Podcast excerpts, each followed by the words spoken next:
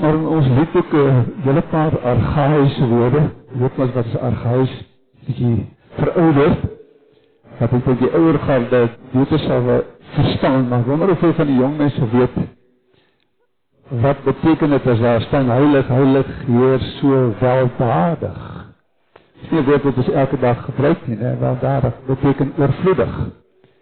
Here is oorvloedig. Een van ons blydenskrifte sê mos die Here God is uh die alleroorvloedigste fontein van alles wat goed is. Ek kan nie onthou watter een dit staan nie, maar dit staan daar. Ons blydenskrifte. Kom ons bly in 1 Korintiërs 14. Vanoggend se boodskap is redelik lank. Ek het die vorige keer het ek gepraat oor gawe van genesing. Uh en vanoggend het ek gesê ek wil eintlik dit eintlik twee reekse of twee preke. Vanoggend sien die ontstaan van die charismatiese beweging en die gawe van profesie wat sê die Bybel daaroor en dan eintlik moet ek nog gepreek het oor die gawe van tale wat ons daaroor sê maar ek sal probeer om so ietsie daaroor te sê as jy weer daaroor weet kan jy maar na die tyd my kom vra kom ons bid net eers saam Hemelse Vader Die woord is die waarheid. As ons hierdie woord nie gehad het nie, het ons nie geweet om ons lewens in te rig nie. Maar dankie daarvoor. Here, dankie dat ons daarmee kon opgroei. Dankie dat ons ouers en voorouers ons geleer het om dit lief te kry en dit aan te hang en ons lewens daarvolgens te orienteer. Dankie Here dat ons in hierdie dae vir mekaar kan bid.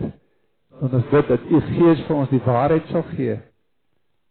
Dat U Gees aan ons die vermoë sal gee om hierdie woord te verstaan wil U ook vanoggend Gees van God vir ons help om regtig die waarheid te begryp en dit deel te maak van ons lewens. Seën ons as ons hierdie woord lees, daaroor nadink, ons bid dit in Jesus se naam. Amen.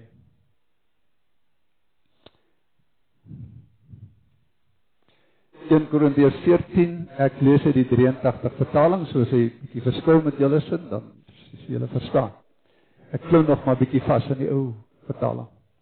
Die nuwe vertaling is uitstekend. Ek moet vir julle sê as jy so bietjie kennis van Grieks en Hebreëus het, is die 2020 vertaling is uitstekend. Dis regtig die naaste vertaling aan die oorspronklike tale wat jy nog in die geskiedenis sal kry. Dis regtig baie goed want die, die oudste handskrifte, beskikbare handskrifte, is gebruik om dit te vertaal en jy weet mos hoe werk dit.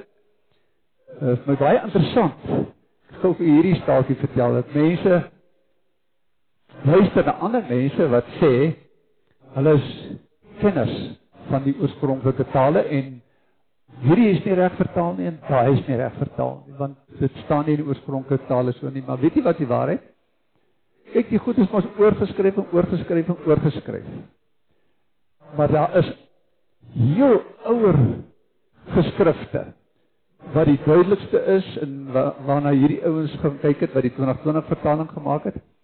Maar het ook goed ingetree wat ons noem tekstes korruptus. Daar het sekere dele verlore gegaan was ons perkament sodat dit droog geword en afgebreek wegval, maar die belangrikste van die vertalings het deurgekom. Dit wat vir ons nodig is om te weet. So as iemand nou weer vir jou ehm um, want so en so het gesê, hierdie is verkeerd vertaal. Maar vra maar vir jou dominee, hy en sy vrou is baie goed in die tale onderleg. Dat hy vir jou mag gaan kyk wat daar staan in die oorspronklike, maar moenie sommer iemand glo nie. Ek weet van iemand wat uit die NG Kerk is oor die tweede deel van een vers in die Bybel wat hulle sê verkeerd vertaal is. Maar die heel oudste tekste staan dit nie.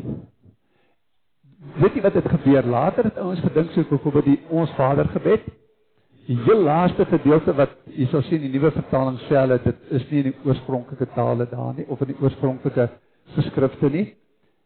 Die ouens het waarskynlik gedink, ag, dit sal mooi wees of goed wees as ons hierdie paar woorde bysit. Dit het met ten minste twee versies in die Nuwe Testament gebeur.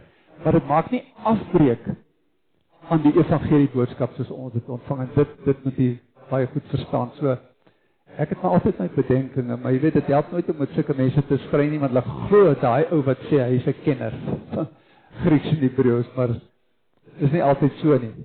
1 Korintiërs 14.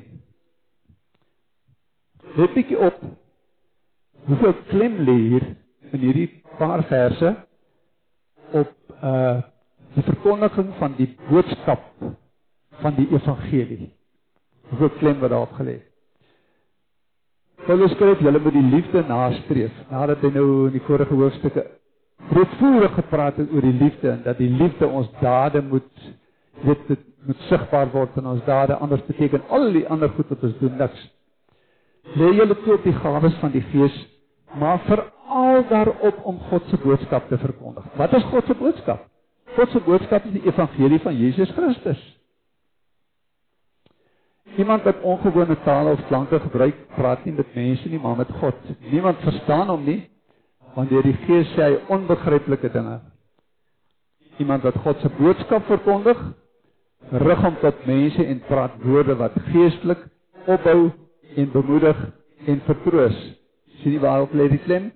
Opbou, bemoedig, vertroos. Die een wat ongewone tale of klanke gebruik, bou net homself op. Maar die een wat God se boodskap verkondig, bou die gemeente op. Ek sou graag wil hê dat julle almal ongewone tale of klanke gebruik, maar nog liewer dat julle God se boodskap verkondig. Die een wat God se boodskap verkondig is van groter betekenis as die een wat ongewone tale of klanke gebruik tensy hy dit ook uitlees sodat die gemeente daardeur opgebou kan word.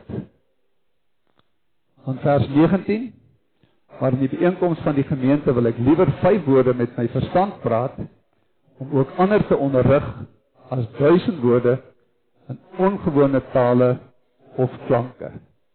Ek gaan net tot sover lees.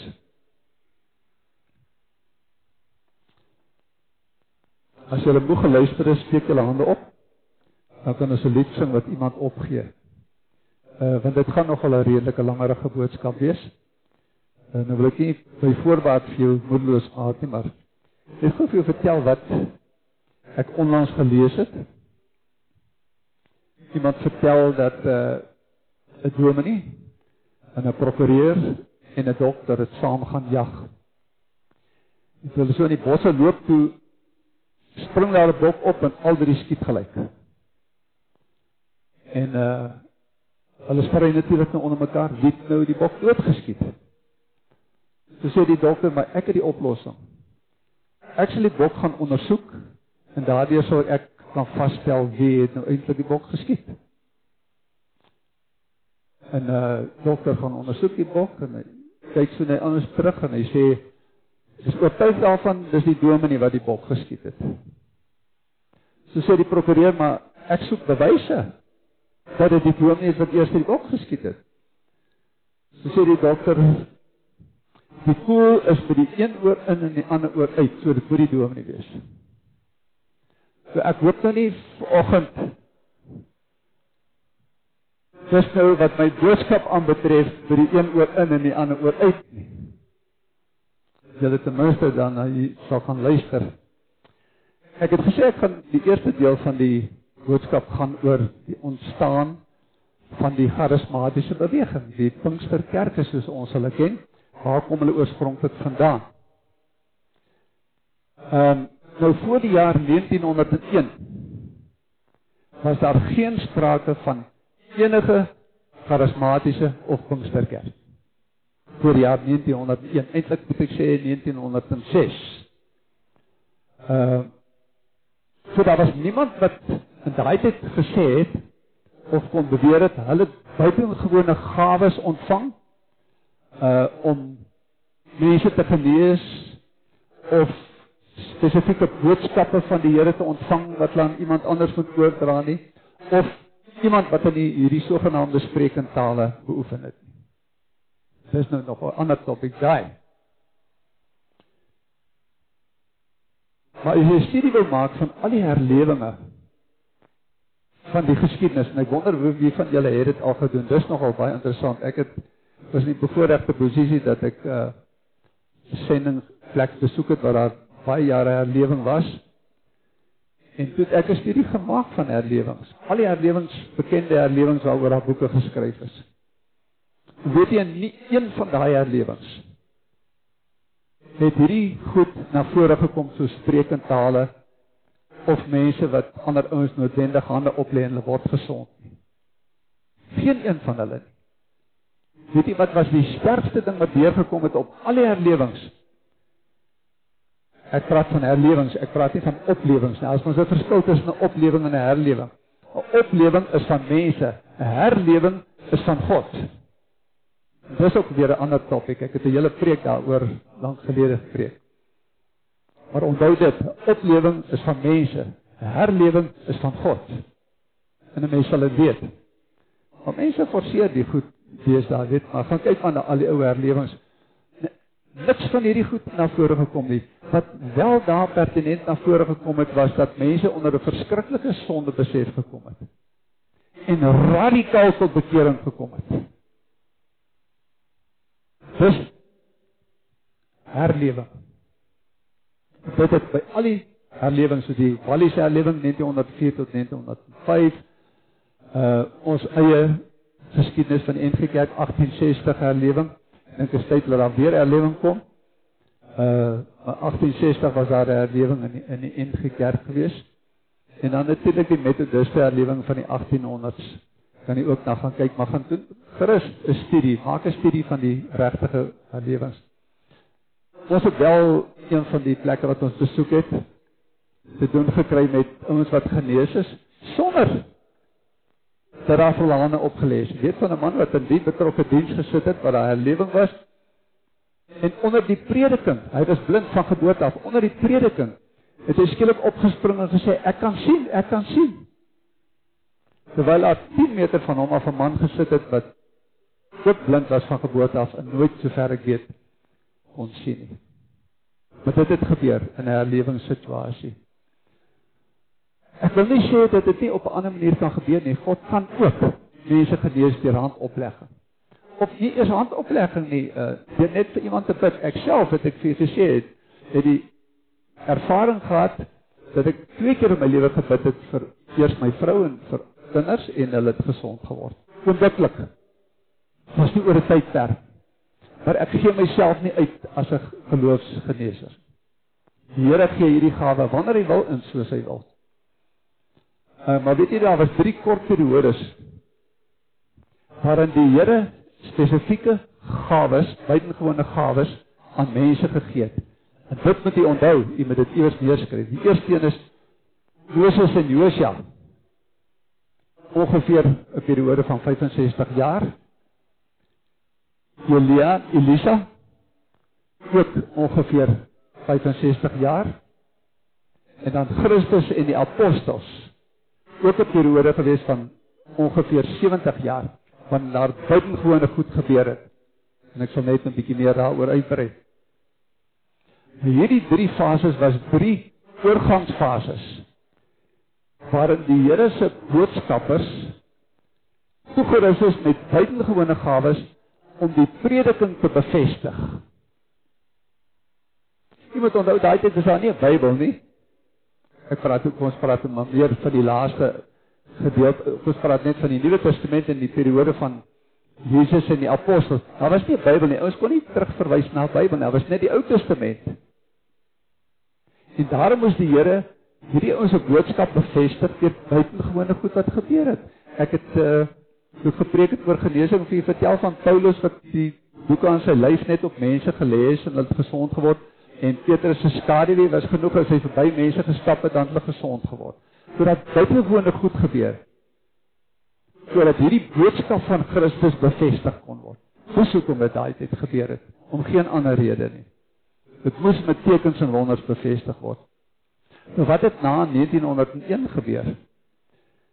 Daar was 'n prediker, ja, en miskien moet ek net net dit sê of ek sal net daarby kom. Van 1901 af was daar 'n sekere man met die naam van Charles Fox Parham. Ehm uh, wat 'n Bybelskool gehad het in, in Kansas. En hy het die volgende ding gesê. Hy het gesê as jy die Heilige Gees ontvang, moet jy in tale praat. Ek onthou toe ek van land het hier in Moop het 'n vrou na my toe gekom en vir my gesê dit was die wonderlikste openbaring in haar lewe. So sy het van gesê dit is nie so dat die Bybel sê dat jy moet in tale praat as jy met die Heilige Gees vervul is. Dit is net nie waar nie. Gaan lees maar die 1 Korintiërs brief van van die begin af. Was nog al 'n redelike moeilike gemeente. Paulus moes hulle aanspreek oor verskillende goed wat hulle hulle kwaad gedoen het en dan sê hy in 1 Korintiërs 6 vers 19 Maar weet julle dan nie dat julle liggaam 'n tempel van die Heilige Gees is? Met ander woorde, die Heilige Gees in hulle gebly.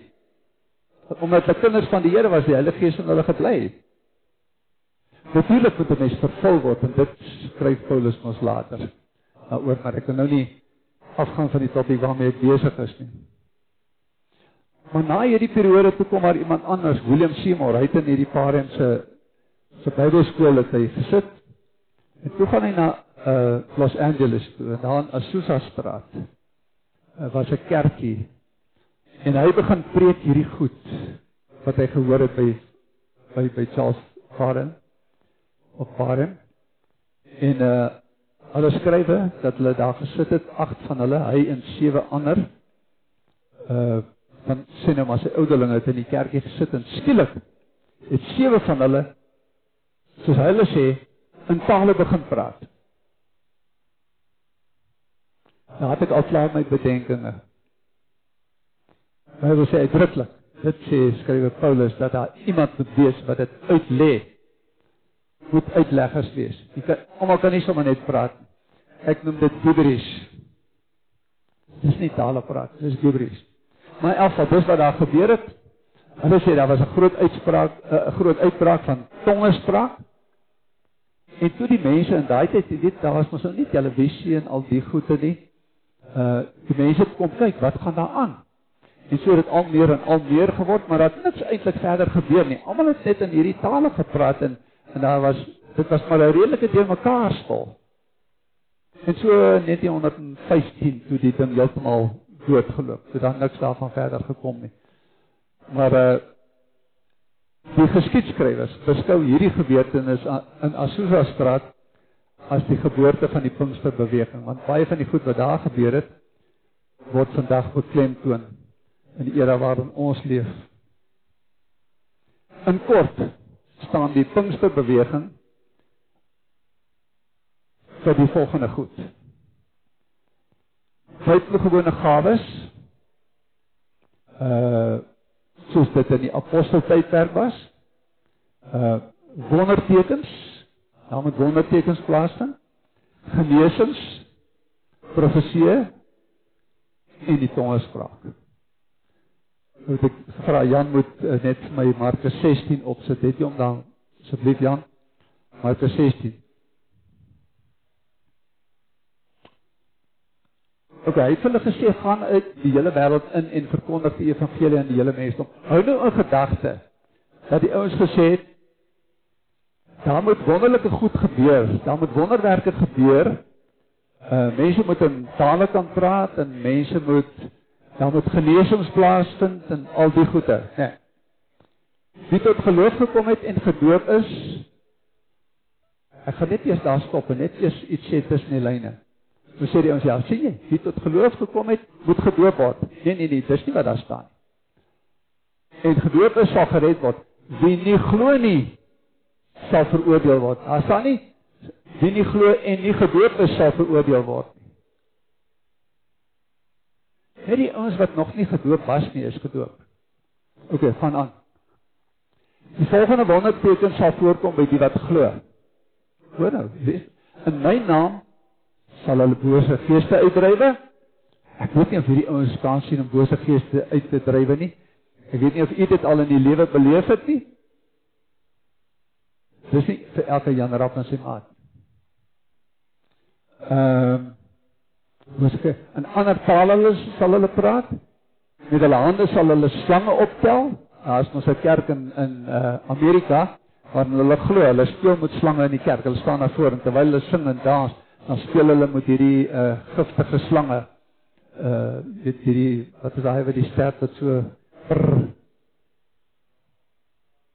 Dit ratel. Hoe kan ek op die woord kom nie? Dan speel hulle met die slange hulle glo Hulle sal nie gepik word nie, maar dan word hulle gepik en party van gaan dood. Maar so ver vat hulle dit. Ek gaan nou vir julle iets daaroor sê.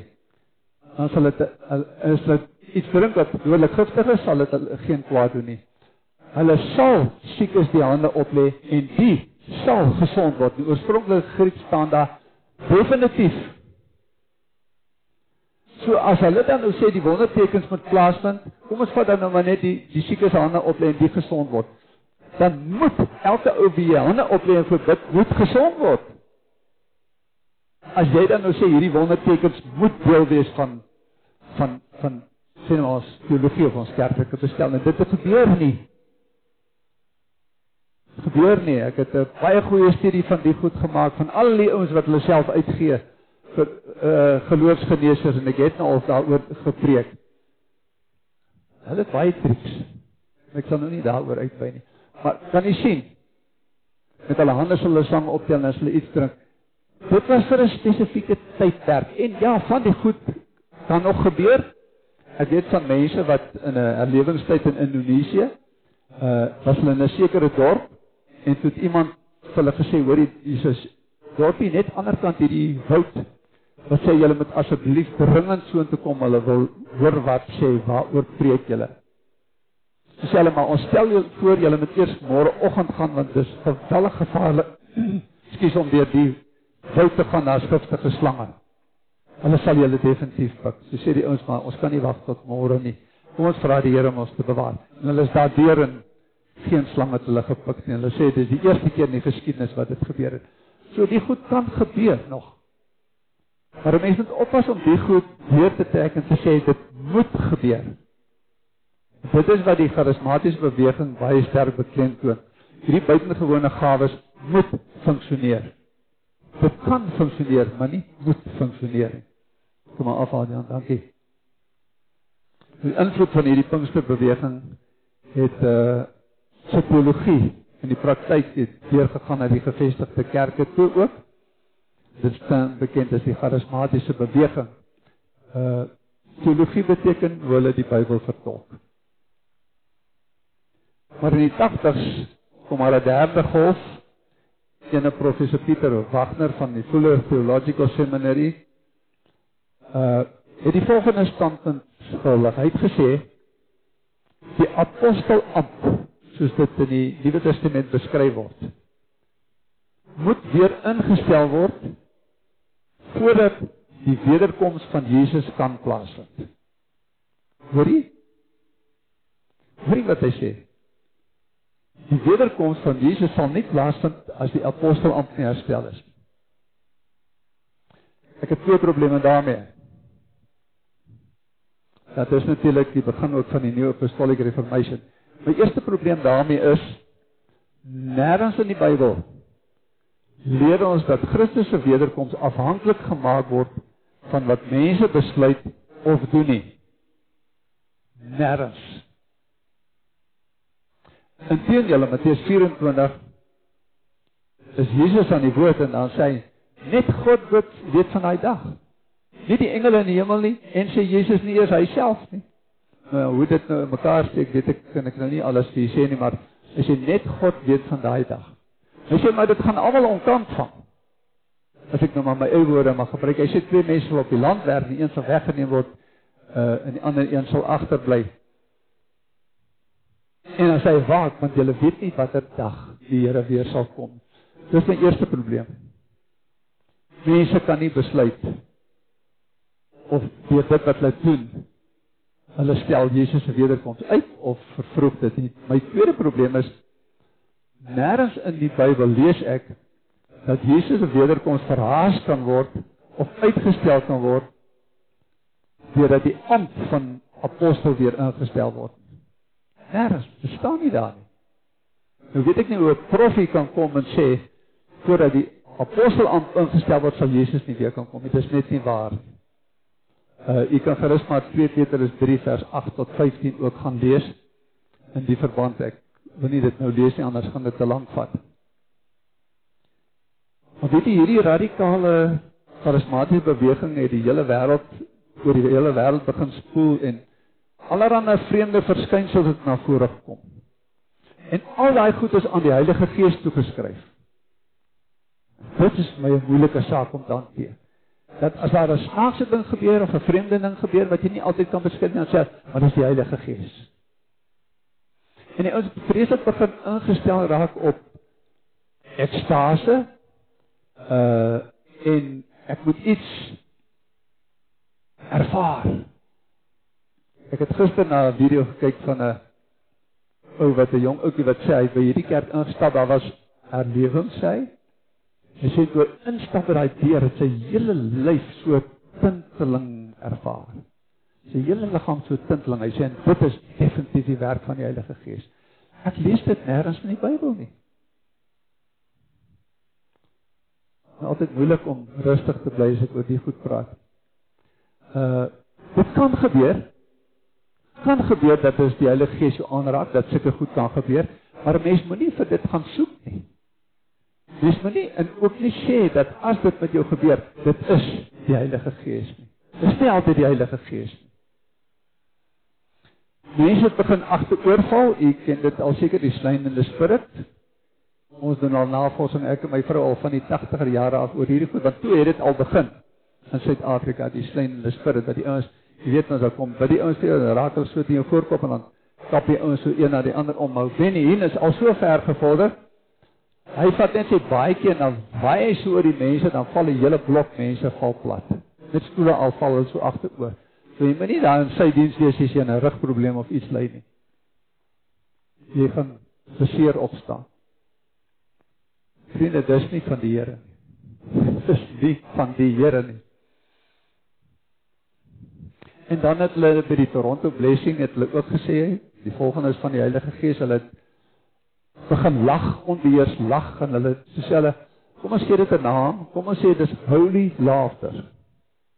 Sien want as jy sê dit is holy laughter dan klink dit nie so dan is dit nie so sleg nie. Dan is dit meer aanvaarbaar. Maar toe mense op hulle knieë begin rondkruip in die dienste en begin blaf soos honde en allerlei geluide gemaak. Jy sien toe gaan die ding nog verder. Ek is seker ek vanoggend u vra waar waaraan sal jy dit wyksel jy baie maklik kan sê waar dit van maar dit kom nie van die Here af nie. Definitief nie. En dan is daar predikers ook wat deel was van hierdie golf uh soos Kenneth Copeland en Joel Osteen. Joel Osteen is nou daai aantreklike Amerikanertjie wat is daar dan sit daar 15000 mense so in daai auditorium.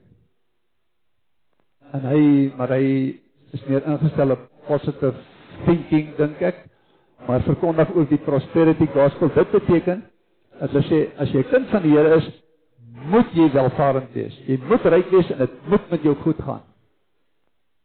Dit kan met jou goed gaan. En jy kan voortvarend wees as jy 'n kind van die Here is. Maar nie noodwendig nie. Ek ken baie baie kinders van die Here, diep kinders van die Here wat beter is as ek maar wat brandarm is. Dink aan die Chinese wat in die vervolgde kerk is, daar 'n vroutjie mos by ons. So 'n hele paar jaar gelede, 5 jaar gelede, toe ons sy diens daar by ons Chinese vroutjie. En uh sy sit in die diens en sy kom na die tyd na my toe sê sy het niks verstaan van die diens nie, maar ons voorsang. Sy sê it touched my heart. En toe wil sy my kom sien en ag, nou lank storie kort, sy het toe tot bekering gekom. Sy was 'n boeddhis en toe aangesluit by 'n ondergrondse kerk in in China. Sy het terug in China toe. Haar hele familie het hier tot bekering gekom. Maar hulle is arm en hulle moet daar onder in basements en plekke moet hulle moet hulle diens hou anders word hulle vervolg en word hulle doodgemaak. Ek weet van Nigeriese Christene hierbo uh wat uit hulle huise gejaag word en as jy wil teruggaan na die Bybel toe Handelinge 8 wat het daar gebeur? Al die gelowiges staan daar is uit hulle huise gejaag en hulle is die wye wêreld in. Net die apostels het agtergebly in Jerusalem. En wat dink jy het van hulle geword?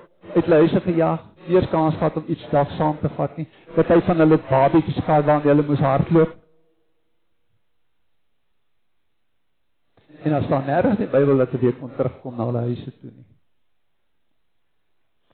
Sodat 'n Christen moet ryk en welvarend wees, is nie waar nie. Maar as die Here jou seën, dan seën hy jou nie verniet dit vir ons onthou elke gawe wat die Here vir jou gee, of dit geestelik of materiaal materieel is, moet jy uitdeel. Jy hoef nie alles uit te deel nie. Kon onthou toe ek in Venterville was, kom maar 'n jong ouetjie na my toe hy sê, "Doen jy verduidelik net hierdie ding vir my." Een van my telle daar in Kroonstad het hierdie oortuiging gekry dat as hy plaas moet verkoop, en al sy diere op sy plaas, dan al hy geld gee vir hierdie nuwe kerk waarin hy nou behoort. Sy sê van Boeta nou sê vir my wie gaan nou vir sy vrou en kinders sorg? As daai kerk hom nou oortuig het en alles verkoop en die geld vir die kerk gee. Hulle het gesê gee die geld vir die Here en jy sal sien hoe gaan die Here jou nou seën. Dis die waarheid. Niemand van ons kan die Here omkoop nie. Dis die idee daar gedink het. Maar het 'n derde golf gekom van hierdie beweging. Die Bybel was nie meer genoegsaam. Was nie meer genoeg net om die Bybel te lees en te kyk wat staan die Bybel en dat dit met jou praat nie. Hulle het gesê hulle soek na vars lewende openbaringe van God. Die klem op die vas. Dan moet vars openbaringe kom en dit moet direk van God afkom. En daar's 'n ou met die naam van Bob Jones, het ek nou hierdie week uitgevind, hy daarmee begin. Maar hy was op 'n stadium en ek sê dit nou nie neerhalend nie, hy was op 'n stadium in 'n mental institution selle. En toe het hy hierdie stories vir hulle vertel en die mense vir wie hy dit vertel het, van openlik gesit en lag, maar hulle daarbey aangesluit. Hy sê hy is so 17 keer 'n dag deur die Here opgevat na die hemel toe, dan die Here vir hom kom goed gesê wat hy moet terugkom en hier kom praat. Uh vir mense vertel en hulle sê dit het die vaslewende openbaringe geword en ons moet 'n bietjie daarna luister. En hier so agterkom in hierdie charismatiese groepe hoeveel dit nou daar op klem gelê word, hierdie goed. Die Bybel is nie meer genoeg nie. Wat skryf Paulus in 2 Timoteus 3 vers 16 en 17? Wie van julle ken dit? Staan dit op die lyskaste? Die oorspronklike Grieks staan daar in die eerste deeltjie, die al die skrifte is deur God uitgeasem. Pneumestos. Asa graphepneustos. Die hele skrif is deur God uitgeasem. En is nuttig tot weerlegging, dwaling te bestry, verkeerdhede reg te stel en 'n regte lewenswyse te kweek, sodat die man wat in diens van God staan, volkome toe uh, voorberei kan wees en toegerus kan wees om sy werk te kan doen. Dis net maar my vertaling die laaste deel. So die Bybel is genoegsaam vir alles wat ons nodig het. En ek vra altyd vir mense as jy dink die Bybel is nou nie meer genoegsaam nie, het jy die Bybel van Genesis 1 vers 1 tot Openbaring 22 vers 21 elke versie bestudeer en vir die Here gevra, hy moet met jou praat uit daai versie uit of uit daai gedeelte uit. Wie van julle het al die ervaring gehad dat jy deel lees in die Bybel? Dalk in jou stilte tyd, Bybelstudie, en skielik dan slaan daai gedeelte jou en sê, "Nou praat die Here met my." Jy weet dit net. Jy weet dit net. Nou praat die Here met my. Ek hoef nie een of ander openbaring van iemand te kry nie of iemand anders hoef nie te kom en te sê Die Here het vir my gesê ek moet vir jou sê. Ek weet nie of julle al daai ervaring gehad het nie. Sê vrou, oh, sorry, ek luister nie daarna nie. Ek wil dit nie hoor. Hoekom sal die Here nou deur iemand anders met jou praat? Hy kan. Maar ons het die Bybel. Ons moet daarna teruggaan. Uh, ek was by Bob Jones. Nou die belangrike vraag. En ek is nog nie eers by profesie nie en julle is al moeg. Waarom sou die Here die herstel van hierdie buitengewone gawes vir 1000 jaar, 1900 jaar lank van die kerk weerhou? As dit dan nou onmisbaar sou wees vir die kerk om ware kerk te wees. Hoekom sou die Here 1900 jaar hierdie goed weerhou? Dink jy daaraan? Vir 1900 jaar was daar geen een van hierdie goed waaroor ek tot dusver gepraat. Niks. Ja, maar nou kan jy ons sê ja, maar weet jy, dit was die Rooms-Katolieke Kerk en dit en dat. Dink jy die Rooms-Katolieke Kerk is beter en sterker as die Here? Dat die Here nie dit kon gee of was watter kerk ook al aan bewind nie.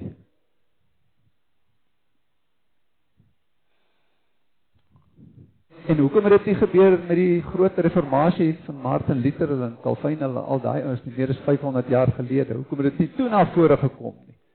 As dit dan nou nodig was om ware kerk te wees. Hierdie goed waaroor ek sopas gepraat het. Nou is dit by profesie. Mense sal iets sê soos hierdie is profetiese woorde wat van die Here afkomstig is. Ek onthou so klompie jare gelede, dit kan al 20 jaar gelede wees, het 'n vrou wat iewers by die see bly. Het sy gesê die Here het vir haar hierdie profesie gegee. Hierdie profetiese uitspraak en sy kan nie stil bly nie, sy moet dit vir mense sê. Daai dorpie waar sy bly by die kus, iewers daar gaan herlewing uitbreek.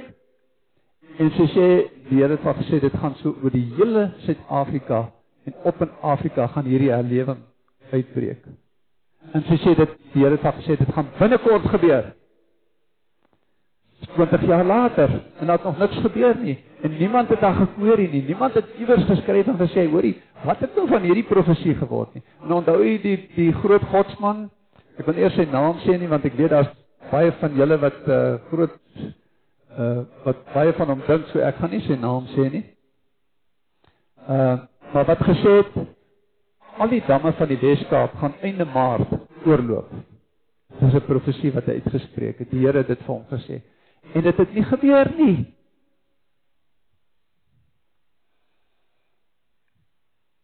Wat is die werk? Ek wil net ek ek het mos net nou genoem het en ek het vergeet om dit te sê. Wat is die belangrikste werk van die Heilige Gees? Waar gaan ek soek? Om te weet wat is die belangrikste werk van die Heilige Gees? In die Bybel. En jy kan maar net een gedeelte gaan lees Johannes 16 van vers 5 tot 15. Dan lees net dit. Dan weet jy presies wat is die werk, die belangrikste werk van die Heilige Gees. As ek dit mag opsom, die belangrikste werk van die Heilige Gees om jou en my oë op Jesus te hou. Dis sy werk. En om hom te openbaar.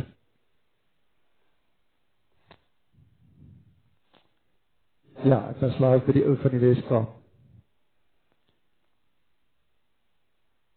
Baie het van hierdie ouens wat gesê het van hierdie profetiese woorde het gesê man dit kom van God af. En as 'n ou nou vir jou sê hierdie profetiese woorde kom van God af dan is jy mos nou die laaste ou wat sal sê nee hoe kan dit nou waar? Want as 'n ou sê die Here dit vir my gesê dan dan wens ons bietjie terug. Ons is bang om dit te query ons is bang om dit te toets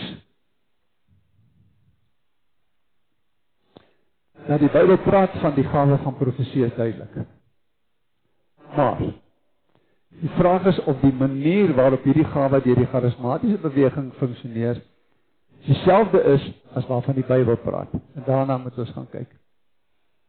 Mense maak daarop aanspraak dat God aan hulle direkte openbaringe gegee het, maar ek het net vir u gesê uh gaan kyk maar liewer wat die Bybel sê oor 'n spesifieke saak. Baie keer gebeur dit dat mense 'n tipe van 'n skyndood het. En dan sal hulle nou terugkom en sê kom hulle terug van hierdie skyndood af en dan sê hulle ehm uh, die Here het hulle teruggestuur aarde toe om ons te waarsku dat Jesus se wederkoms naby is.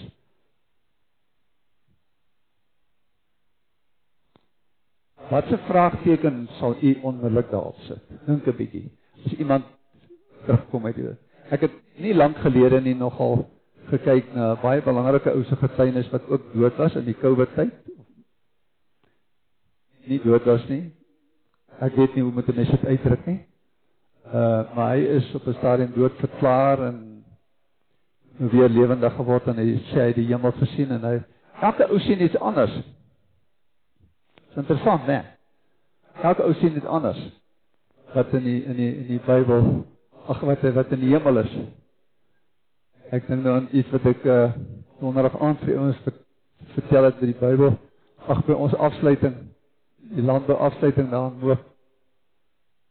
Uh van die boere nie dominee wat saam in die hemel aankom en toe sê hulle vir die vir die boer Jy gaan bly in daai mansion daar bo op die bos.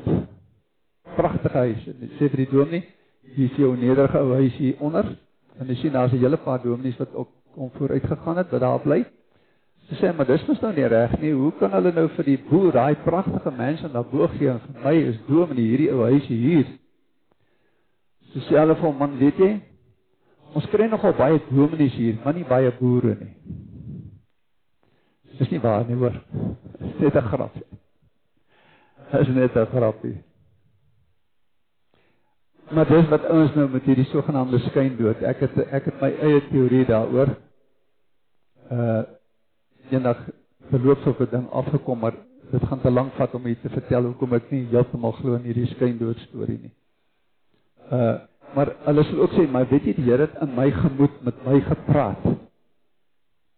Uh en hy ek moet net dis dis 'n openbaring. Ek moet ek moet hierdie profetiese uitspraak ek moet dit in die kerk of waar ook al gee. Mens moet dit maar toets. Maar waar laat ek jou onmiddellik dink is mense met hierdie stories na vore. Dan laat net Lukas 16 dink uh Lazarus en die ryk man. Hy altyd dood, Lazarus sit daar in boesem van Abraham.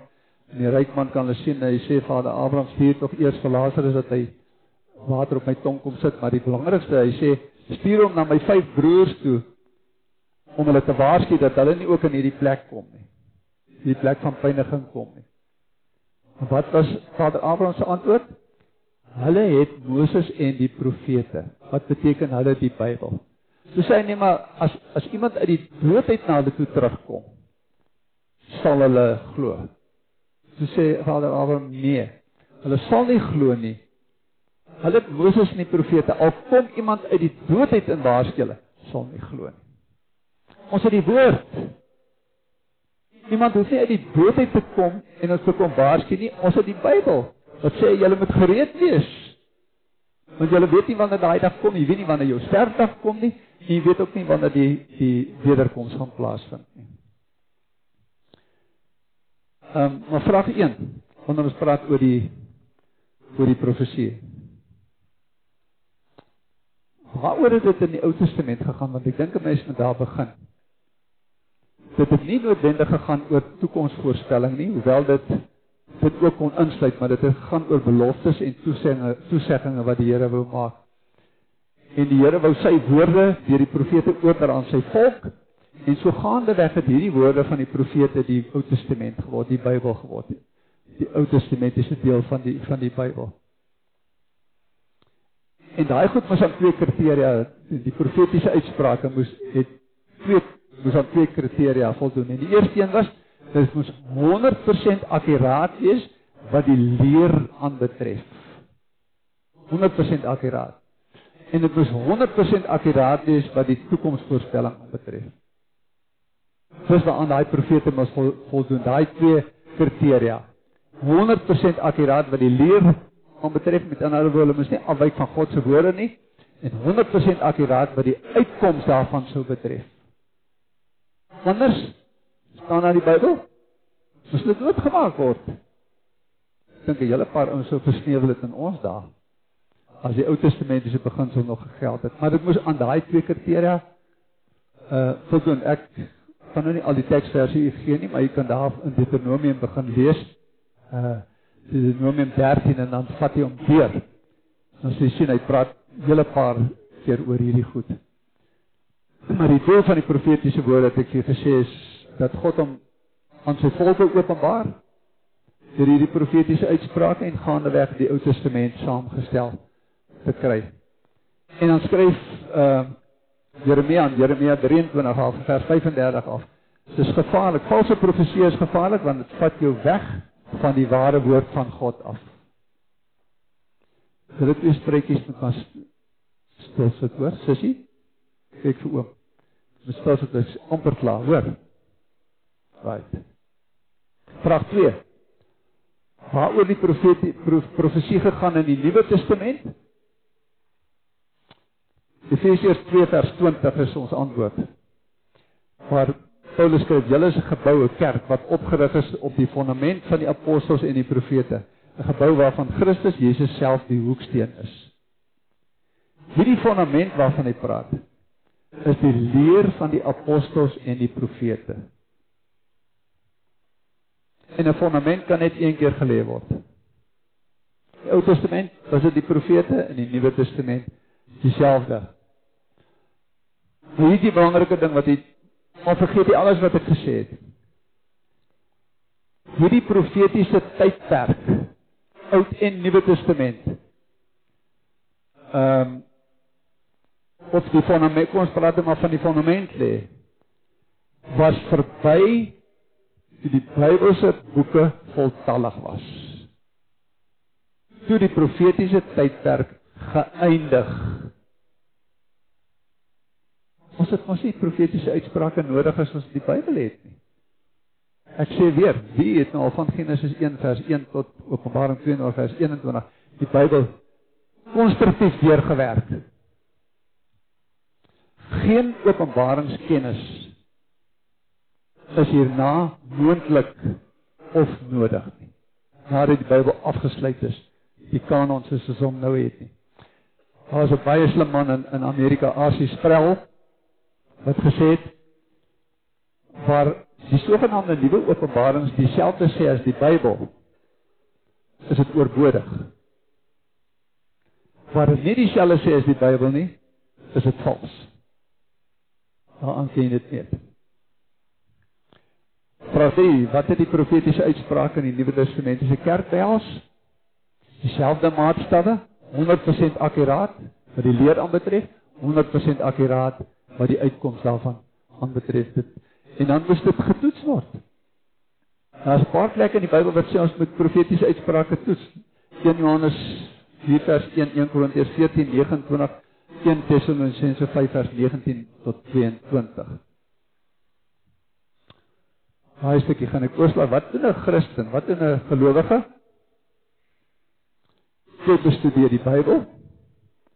En jy bid en jy vra vir die Here, Here, lei vir my deur die Heilige Gees dat ek sal verstaan wat hier staan en dat dit wat ek nodig het ek sal kry. En dan vertrou ek God vir sy praktiese voorsienigheid. Net daai drie goedjies. En jy sal agterkom dat as jy die Bybel dan lees, dat dit as ware uitspring uit die Bybel uit na jou toe. Jy hoef nie te luister eers na ander mense, dit spring na jou toe. Selfs Paulus se profetiese uitsprake of sy se preke is getoets of moes getoets word. Uh het die ouens daai tyd vir hom gesê. Ek gaan nou eers sê waar oor die ouens verder vooraan want ek sien julle is al redelik tam. Julle is nie gewoond aan sulke lang preke nie. Ehm um, Ek gaan net nog vraag 4 behandel dan gaan ek klaarmaak. Wat verstaan die huidige charismatiese groepe onder profesie? Hulle verstaan daaronder dat God steeds op 'n gereelde basis direk met mense praat buite die Bybel om deur direkte ingewing. Vir hierdie gevaar buite die Bybel om. As dit buite die Bybel om is, sluit jou ore. Maar as jy oor die algemeen uh plaas hulle nie hierdie uitspraak of hierdie profesie op dieselfde vlak as die Bybel nie. Hulle maak daarom daai voorsiening dat jy moet verstaan. Hulle sê dit hang baie keer af van die ou wat luister en wat dit hoor. Dat hy dit verkeerd vertolk. Dan is dit nie altyd die fout lê nie altyd by God die of of die ou wat die profetiese uitspraak maak nie. Dit lê by die ontvanger Hy hoor nie mooi nie of hy verstaan nie mooi nie. En daarom het dit nou nie uitgeloop soos dit moet uitgeloop uitloop nie. Maar dieselfde beginsel geld 100% akkuraat in albei gevalle. Ten slotte wat word bedoel met die gawe van profesie vir ons? Alle gelowiges, alle gelowiges het die voorreg om God se woorde te mag spreek. Tot stigting van jou medegelowiges, tot vermaaning, tot onderrig, troos en om op te bou. Jy mag die woord van die Here so gebruik. En dit is wat ons bedoel met profetiese uitspraak. Ek is besig met profetiese uitsprake terwyl ek preek. Ek vertel vir wat sê die woord van die Here. Dis profetiese uitspraak. Maar jy as gelowige kan ook wanneer jy iemand troos, wanneer jy iemand opbou, wanneer iemand dalk moedeloos is en jy lees vir hom iets, dis profeties. Jy sê nie vir hom iets wat buite die Bybel om is nie, jy gebruik die Bybel. Die Bybel, hierdie woord van God praat met ons in ons omstandighede in alle situasies. Ek en jy moet dit net leer ken en lief kry. Amen. Kom ons dank. Hemelse Vader, in hierdie dae het ons nugterheid en wysheid nodig. Dat U ons sal onderrig en dat U met ons sal praat deur U Gees. Here leer ons om U woord te verstaan. Leer ons om fyn te luister. En miskien bovenal Here gee vir ons die gawe van onderskeiding om te weet wanneer iets nie strook met u woord nie. Sodat in ons harte dit baie duidelik sal wees of dit vals is en of dit waar is. Hou ons vas in hierdie dae, Here, ons vas aan die woord. Hou ons vas aan Jesus Christus. Ons bid dit in sy naam. Amen.